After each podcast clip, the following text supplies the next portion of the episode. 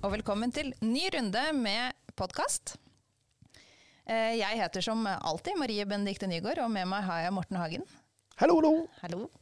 Vi er jo godt i gang med denne podkasten her, om til jobbspesialistene. Og denne gangen så skal vi snakke om metodeveileder. Ja.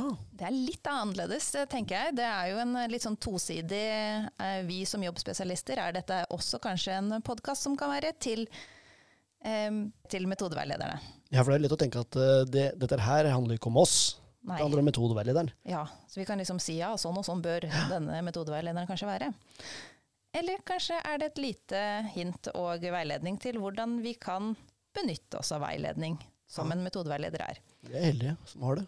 Ja, Så her kan vi kjøre på med litt ordspill og uh, snakke litt videre om det. Men uh, før vi kommer dit, så skal vi innom vår faste spalte med Hva har skjedd siden sist? Og jeg har tenkt på, eh, nå som vi vet at hele verden der ute hører på, kan høre på vår første episode med kartlegging. Og der forteller du jo om et, en liten, et lite stunt du hadde om V8-klistremerket. Og det jeg har fått få høre nå, er jo at du har fått en tilbakemelding. Hva har skjedd? Ja, det, det var jo han som dette skjedde med. Han uh, hørte jo på denne podkasten, så jeg fikk plutselig bare en melding. V8, det var deg! Og, han, og det er jo gøy, som jeg sa tidligere, det det er jo litt gøy å fyre opp folk og leke litt på jobb. Eh, men han eh, skjønte det var, og så var han litt sånn sur i fjeset, så jeg blei litt nervøs for at det var sånn Å ja. Det ble, falt ikke så god jord som jeg hadde egentlig håpa. Men eh, det viste seg at jeg hadde det.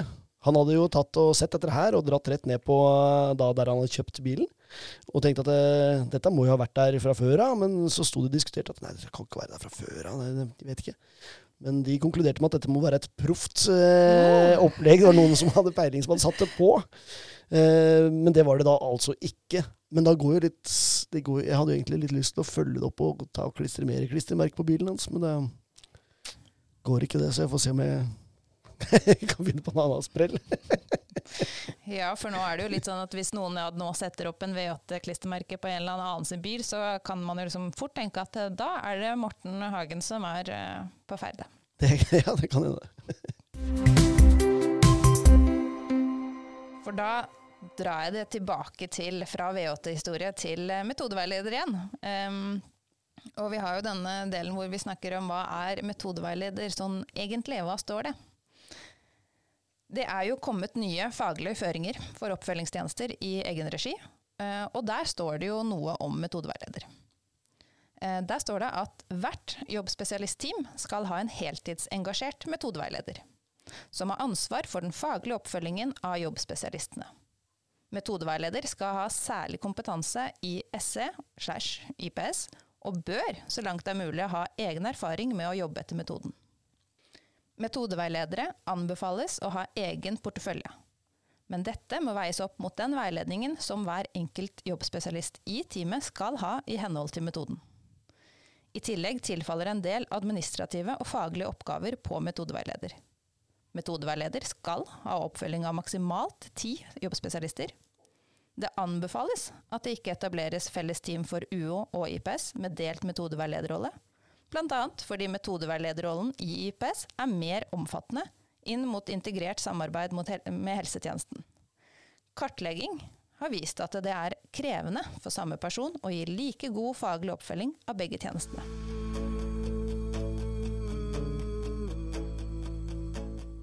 Fin faktaboks, eh, Marie. Takk. Jeg har ikke skrevet den selv. Nei, jeg, jeg, tenkte på det. Det slo meg når, vi, når jeg så litt på dette her om metodeveileder, at det er eh, Det står veldig mange ting i forhold til dere metodeveileder, hva den skal gjøre og sånne ting. sånn at det, det utdraget som du sa der, er jo en veldig bra oppsummering, syns jeg. Og så er den også veldig, veldig mye mer kompleks eh, også. Ja, jeg er enig, og jeg syns jo dette er jo de nye faglige føringene. Jeg, jeg oppfatter jo at jeg har gjort en god jobb der. Og så, samtidig så vet vi at det er ganske mye som ligger, som du sier, i det å være metodeveileder. Mm. Eh, vi eh, håper jo at vi klarer å komme innom det. Jeg skal se om vi klarer å lose oss gjennom noen av, de, noen av disse viktige temaene som vi har, eh, snakket om at vi har lyst å ta opp. Ja. Eh, men jeg tenker jeg har lyst til å starte med det ordet i seg selv, metodeveileder, som jeg syns er et uh, artig navn. For det er jo både metode, veileder, men også i veileder så er det jo en leder i navnet. Så det er jo litt som skjer her. Ja. Eh, vi har jo da snakket litt om hva, hva er metode, og hva er, vei, hva, og hva er en veileder? Hva skal en metodeveileder gjøre, og hva vil veiledning egentlig si i dette? Mhm. Skal jeg si noe om alt dette her? Ja, kan du det? Jeg kan prøve, da. Eh, metodeveileder eh, Metodeveilederen For meg, når vi begynte å drodle om trær, så tenkte jeg at ja, nei, det trenger ikke å være så Ja, en fyr som, eller dame som er god på, på det vi driver med, jobbspesialist. Det er ikke så mye mer enn det. Så spurte jeg deg sånn Hva tenker du da? Vil, vil du ha en metodeveileder som har vært jobbspesialist, eller vil du ha en veileder aleine som går inn i dette her? Eh, hvor du kommer jo litt fra en annen bakgrunn enn det jeg gjør. Hvor du snakka om viktigheten med det å ha en veileder som eh, klarer å følge litt de universelle strategiene som en veileder kanskje skal ha. Eh, hvor kanskje jobbspesialistmiljøet i Norge kanskje ofte har eh, plukker metodeveilederne direkte fra jobbspesialistene og opp. Mm. Eh, jeg, er, jeg er ikke sikker sjøl enda. Eh, metodeveilederen må jo være god på metode. Mm. Det er viktig at den kan den jobben vi gjør, har stått i det samme som vi driver med. Så jeg syns det er et eh, litt sånn vanskelig å snakke om det, for jeg vet at du er veldig god på dette her med veiledning med mennesker og sånne ting. Hva en god veileder er. For jeg tenker en god veileder for meg er, er ikke det samme som deg, tenker jeg. Men så er det nok det. Det er bare det at jeg har ikke teorien som forteller meg det. Ja, og det er jo, og det er jo her jeg tipper de Nå finnes jo sånn type metodeveilederkurs som de har startet opp nå for ikke så veldig lenge siden. Som eh, jeg, min oppfatning på de som har vært på dette kurset, er at det er en, eh, en litt annen måte. De får prøvd seg litt. De har noen eh, de har noen rollespill hvor de må på en måte bytte roller og være i en ganske ubehagelig situasjon. For de må også kjenne på Det er jo som, altså, veiledning, tenker jeg, da skal du jo liksom inn i materien. Du skal snakke om det. Om hva vi faktisk driver med. Og det er jo litt det vi prøver på i denne podkasten her også. Hva vi egentlig driver med. Og fort kan metode bli Fidelity-skalaen med checkpoints. Ja, ikke sant? Mens veiledning Nå har jo vi, vi har jo googlet litt, og vi har jo funnet ut at veiledning er jo en målrettet samtale som skal, skal skape refleksjon. Så hvis du skal ha en målrettet samtale som skal skape refleksjon, da om metoden, blir det da et resultatbasert eh, tilnærming, eller hvordan Hva er da egentlig metodeveiledning da? Oi, ja. Vil, men tenker du, tenker du da at uh, det er lettere å lære metoden og gi god veiledning hvis du allerede er god på veiledning? Eller vil du bare ha en som er god på metoden, kan lære veiledning? Skjønt, altså, ser du forskjellen? Nei, gjenta det en gang til. Hvis du har en, eh, en god veileder som lærer seg metoden, mm. eh, versus da en eh, jobbspesialist som lærer seg faget veiledning Ja, Det vet jeg ikke helt om det er så stor forskjell, egentlig. Er, men det, er ikke, det er et, blir jo en, rett og slett en ren spekulasjon. Vi har sikkert noen erfaringer Folk, folk har sikkert forskjellige erfaringer. Det finnes mange forskjellige metodeveiledere der ute. Noen mm. har jobbet som jobbspesialist. Andre har kommet inn eh, direkte som metodeveileder. Og jeg er ikke så sikker på om det ene er bedre eller det andre. Nei, jeg ser jo at uh, I metoden så sier vel metoden om at uh, dersom man ikke har så mye erfaring fra arbeidet som jobbspesialist, så er det ønskelig at det er en liten portefølje hos metodeveileder for å liksom lære seg faget. Og så relaterer jeg det tilbake igjen til arbeidsgiverbesøk, hvor man er ute og ja, Hvis man er og skal ha en prosjektlederstilling, eller noe sånt, så er det ofte det at det holder ikke å være god prosjektleder. Man må også være faglig dyktig innenfor faget. Altså, det er ikke sånn at er du prosjektleder, så kan du gå inn overalt. Det er alltid en fordel å kunne litt Jeg vet hvor lang tid det tar å gjøre det fordi jeg har stått i grøfta der sjæl, eller altså Jeg vet ikke. Jeg har en sånn tro på at det er Det vi driver med, er veldig viktig å vite åssen hverdagen vår er, da. Ja, og det kan godt hende. Samtidig så, eh, hvis vi kan sammenligne metodeveileder-jobbspesialistrelasjonen med jobbspesialist-deltakerrelasjonen, Ja. så er spørsmålet må vi ha vært en deltaker for å være en god jobbspesialist. Å, den var fin! Eh, nei, men vi argumenterer jo for i andre episoder at eh, vi må faktisk kunne vite hva vår jobbstøtteplan er, kanskje, for at vi kunne vite hva en god jobbstøtteplan er for våre deltakere. Og vi må snakke med våre jobbsøkere på en måte som er eh, vanlig, sånn som vi snakker med alle andre. Fordi at det er, det er jo, vi er mennesker eh, alle mann, da. Så det er kanskje ikke en eh, fordel eh, nødvendigvis og at du har vært en, eh, en jobbsøker eh, med en jobbspesialist for å bli jobbspesialist, men i hvert fall ha det perspektivet må jo være viktig. Ja, fordi når vi jobber som jobbspesialister, så er vi jo opptatt, som vi sa i første episode òg, at det handler om å bli kjent, ordentlig godt kjent. Vi skal kjenne dem godt. Og vi lager jo en felles samarbeidsplattform. Det er jo ikke noe Den ene er bedre enn den andre. Den ene har mer, altså jobbspesialisten har mer kunnskap om jobb, markedet, derav jobben, enn det en jobbsøker har. Muligens. Eh, og det tenker jeg jo også gjelder jo som metodeveileder. De har, har jo et større ansvar enn oss som jobbspesialister.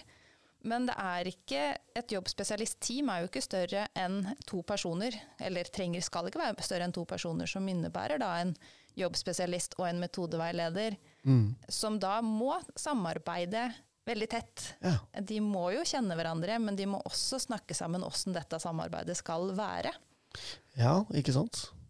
Så det er jo Så det jeg eh, tenker er jo at fort så er det at man kan tenke at eh, man henger seg kanskje eh, Nå blir jo det fra vårt perspektiv, da. Det er viktig å si at det, det er garantert mange andre opplevelser der ute. Men med en gang man får dette ledernavnet i jobben, så kan man fort fungere på, mer på et ledernivå. Det blir et skille. Mm.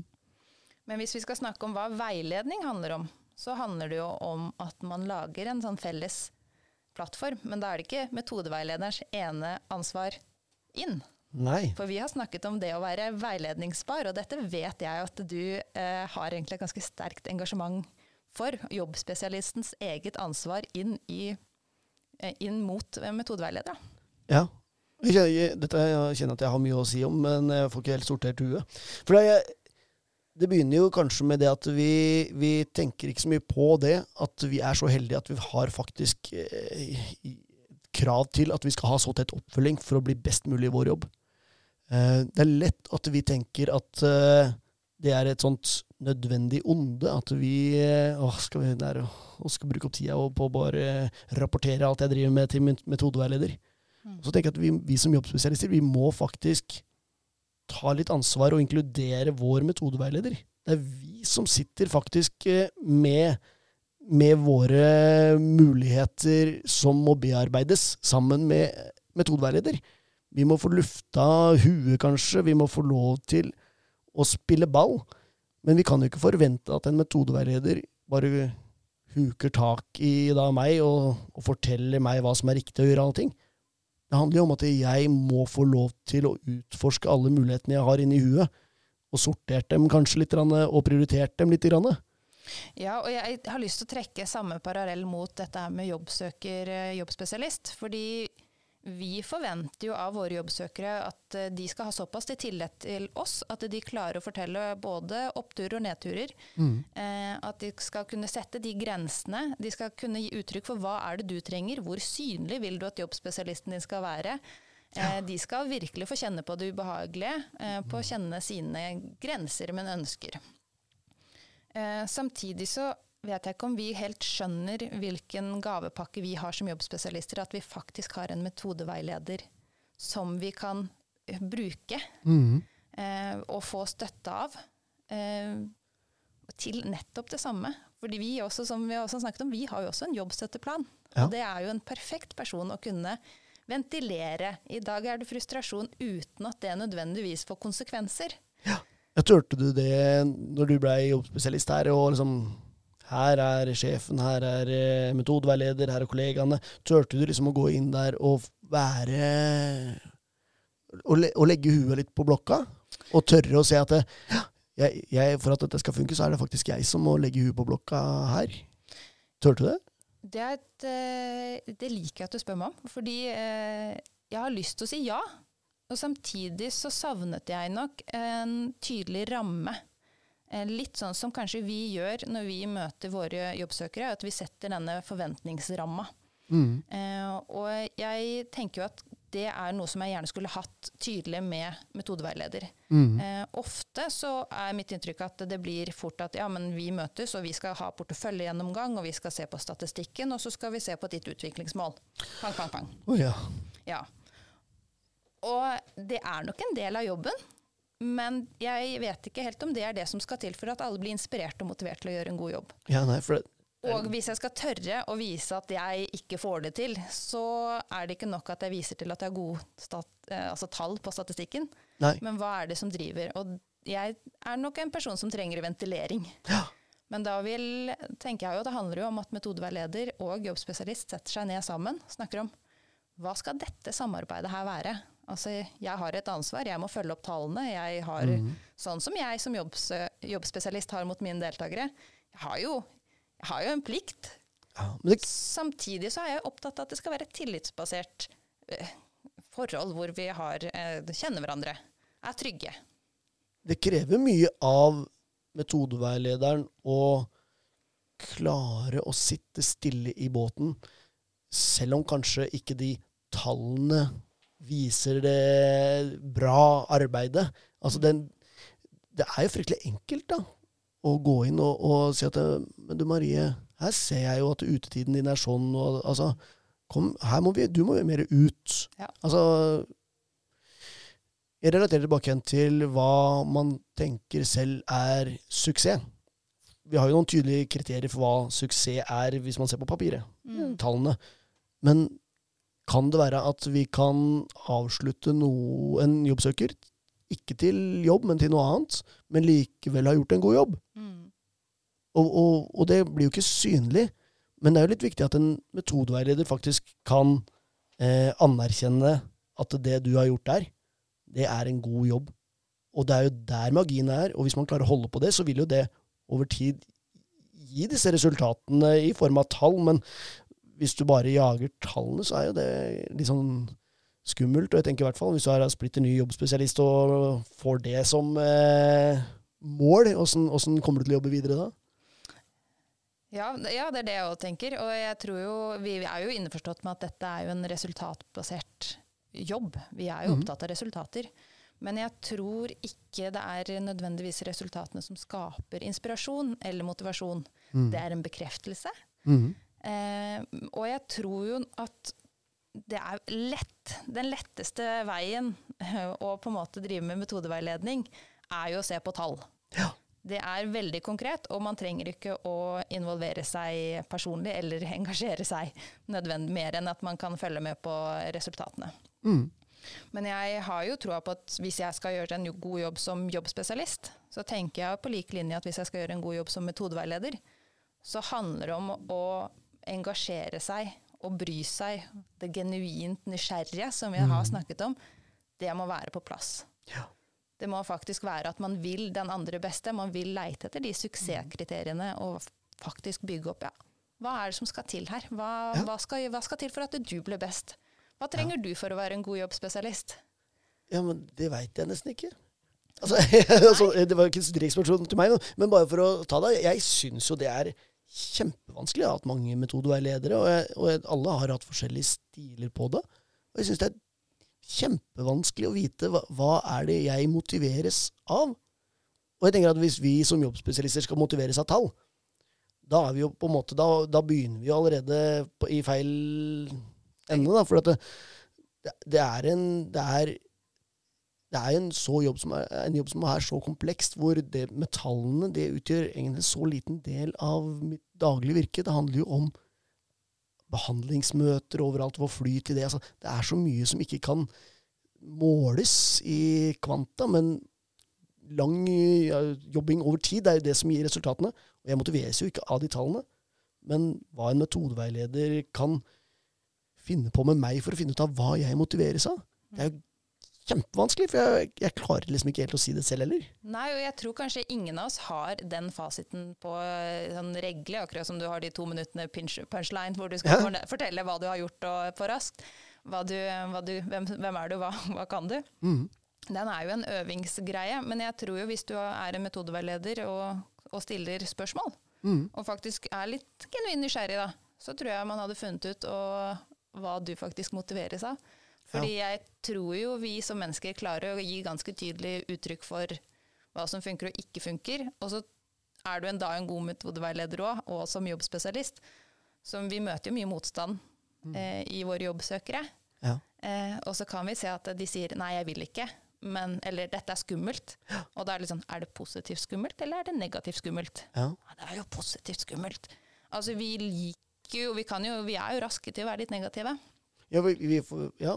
Når, eh, når jeg begynner å jobbe med en jobbsøker, så finner vi fort ut hvilke egenskaper de har. Eller fort og fort, altså vi finner ut hvilke egenskaper de har, hva de er gode på. Og kanskje de har punsja ut at de skal én retning. Eh, Men vi ser at de egenskapene de har, passer også veldig fint i et annet yrke. Så vi pusher det i en annen retning som ikke de selv egentlig vet om. Og, og sånn prøver jeg å tenke litt med meg selv når jeg er i metodeveiledning. At eh, jeg vet jo at jeg ønsker den retningen her, eh, men det kan hende at en metodeveileder ser at eh, alt det jeg driver med, også kan være fint i en annen retning. Ikke at jeg skal bytte jobb, men at eh, sånn jeg tenker rundt en deltaker, kanskje er like viktig å kunne gå en annen retning. Da. Det å gå inn i et møte med metodeveilederen min og, og, og være litt sånn Jeg er veldig tydelig på det jeg ser, men jeg vet også at det er en del ting jeg ikke ser. Og det er der, det er der jeg kan spille ball for å bli mer opplyst. Da. Mm. Det tenker jeg jo at man er Det å gå inn med et litt åpent sinn, eh, tørre å eh, måtte være åpen for at man kanskje får tilbakemeldinger som Eller får noen vinklinger som man kanskje ikke helt var overrasket Altså ikke, som kanskje overrasker, eller som man ikke er helt forberedt på, mener jeg. Ja, ja. Gjerne overraske òg. Overraske er bra. Eh, da, oi, var det sånn det var? jeg eh, og du, vi har jo vært på et arbeidsgivermøte. Det har, ja, vi, har vel Vi har vært på flere. Men eh, for ikke så lenge siden så var vi på et arbeidsgivermøte sammen. Eh, og i det møtet så sitter vi og forteller om jobben vår. Mm. Nå sitter jo vi ofte her og snakker i podkast, så vi hadde jo en ganske god flyt. Men i det møtet så opplever jeg at vi er eh, mest opptatt av å bli kjent med arbeidsgiver, men vi er også innmari opptatt av at vi skal finne altså det skal være en, vi, vi, vi er ikke så opptatt av at vi skal selge inn en deltaker. Det merker jeg på både deg og meg. Vi er liksom mest interessert hva er det han trenger, hva er det vi trenger. Mm. Og det tror jeg er litt av kjernen både inn mot metodeveileder, men også i jobben vår, eh, Ja. som driver oss. At, eh, og det tror jeg med, egentlig sånn tilbakemelding til med metodeveileder at det er ikke de tallene, det er ikke derfor vi går ut for å liksom huke av. Men grunnen til at vi, som du også sier allerede i starten, at vi er jo um, i første episode at vi er jo håndplukka. Fordi vi har en indre drive. Eh, og den indre driven er ikke nødvendigvis det som handler om tall eller ja, porteføljegjennomgang. Men det handler om å finne hva er den indre driven som gjør at vi bryr oss. Så når det er for eksempel, hvis det er nødvendig, og, hvis vi, og det kan være veldig positivt med en porteføljegjennomgang, som jeg noen ganger hvis det er alt man gjør, en metodeveiledning, så tenker jeg kanskje at da, skal, gjøre, da må man stoppe ned og snakke om forventninger. Ja, det ja. Det er en liten Stopp. fallgruve der. Eh, Men at eh, du kjenner jo hver og enkelt person av de, så du har jo et engasjement. Du, den derre det blir liksom på dette mellommenneskelige som kanskje er vanskelig å sette helt fingeren på, for det er noe av det vanskeligste vi driver med, er å jobbe med mennesker. Og det vil si at eh, det vanskeligste våre metodeveiledere også driver med, er å jobbe med oss. Og de må jo stole på at når vi kommer i metodeveiledning, så, så fremmer jeg faktisk de casene som er vanskelig. Hvis det er sånn at jeg går inn i metodeveiledning, og det blir til en eh, porteføljegjennomgang, så tenker jeg at det er fordi vi som jobbspesialister ikke har delt nok om hva vi står i.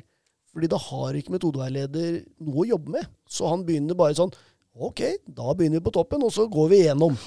Altså, altså det er jo vårt ansvar da, å, å faktisk eh, ikke bare bruke metodeveilederteamene, eller hva det kan kalles, det, altså der, der det blir satt opp, men, men også litt eh, utenom metodeveiledningsmøtene. At, du, at man kan, kan ringe etter å ha vært hos en arbeidsgiver og bli litt forbanna for man ikke fikk det som man ville, eller, at man blir overraska over at det skjedde sånn istedenfor sånn.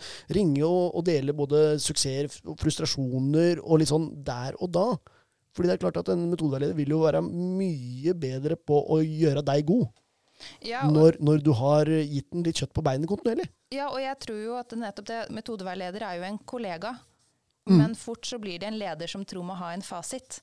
Og det er faktisk Mm. lov av metodeveiledere å si hm, dette vet jeg ikke. Dette var interessant at du sier.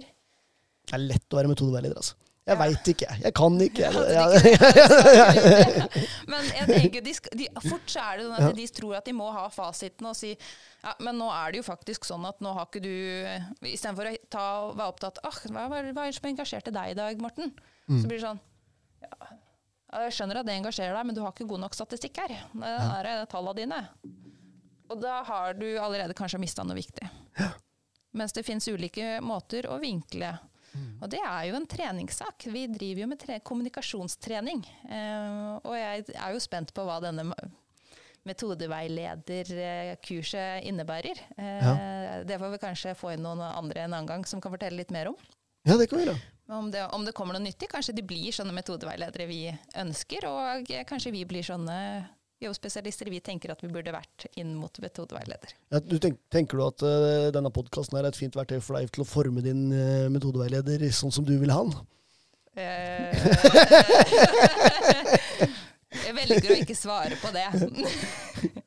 Nei, men, ja, men tilbake igjen fra spøk til revolver. Altså, det handler jo om det formelle, uformelle kommunikasjonen vi har med dem. Da. Altså, jeg ville ikke tørt å legge huet på blokka hvis det hadde blitt en veldig formell greie i ting. Hvis den kommunikasjonen jeg hadde, var bare på de møtene. Jeg, jeg, jeg trenger å kan være bare en liten sånn der fjasemelding her og der. og det den derre relasjonsgreien, altså, for å kunne tørre å, å bli utfordra. Altså, for, for at jeg skal tørre å bli utfordra. Ja. Mm. Det tenker jeg er viktig, og det er jo kanskje derfor eh, det er kanskje derfor metodeveilederen også ikke skal ha personalansvar. Mm. Men det er bare en brannfakkel jeg slenger ut eh, helt på tampen, som kan bli diskutert seinere. Ja, den tar ikke jeg på. Nei, det er et, eh, fornuftig. Jeg tenker at vi går inn mot en eh, landing. Ja. Vi har vært innom litt forskjellige temaer som vi har snakket om både før og etter og underveis nå. Mm. Ehm,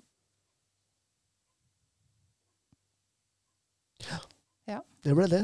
det ble det. Jeg, kom, jeg, jeg satt og tenkte Når du skravla nå, så fulgte jeg ikke med på hva du sa. Men eh, så det, det som slo meg, var at jeg tenkte Vi har eh, Vi følger opp jobbsøkerne våre, og vi, vi gjør ikke utelukkende ting som er bare jobb. Altså, vi, vi drar og gjør mye rart. Jeg har vært på fisketur med jobbsøkerne våre og sånne ting. Og så tenkte jeg, hva er det rareste jeg har drevet med med en, en metodeveileder? Og hva er det, fordi at der er det veldig fort at, at møtene kanskje blir Inne på kontor på Nav. nettopp. Nettopp. Og da, og, så, så hva er det rareste jeg driver med? Så klarte jeg ikke helt å komme på noe i farta. Men Ja, har du gjort noe rart? Nei. eh, eh, og på siste punkt her så står det liksom 'sett dere ned og snakk sammen'. Så det kan hende at man skal dra ut og gjøre noe. Men her må vi jo eh, ikke blande privatliv og jobb. Eh, men det kan jo hende at det kan funke. Men Her er det litt eh, Vi har jo en ganske fri jobb, så eh, Ja, Så du mener at jeg skal gjøre det i arbeidstida? jeg tenker at du ikke gjør det i arbeidstida. Men ja. å bli kompis med metodeveileder funker fett, ass. Ja. Helt til slutt så eh, tenker vi, har vi tre hovedpunkter som vi har lyst til å oppsummere denne podkasten med. Mhm. Som Og- alltid? Og som alltid. Og det er da sett dere ned eller dra ut. Snakk sammen er hovedbudskapet. Jobbspesialist og metodeveileder, snakk sammen om forventninger til samarbeidet. Si noe om hva som skal til for at eh, du som jobbspesialist skal bli best i jobben din. Og til deg, metodeveileder, still spørsmål. Vær undrende, genuint nysgjerrig. Det er punkt én.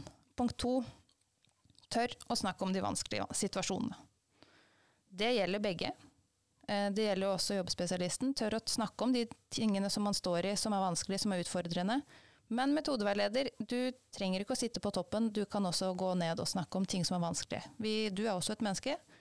Eh, du har også følelser. Det kan være noe i samarbeidet som er krevende. Ta samtalen. Og til sist, dette er til deg, kjære metodeveileder. Ha fokus på arbeidsoppgavene og ikke tallene. Tallene er viktig, ja vi vet det, men det er ikke tallene som skaper inspirasjon og motivasjon. Takk for oss.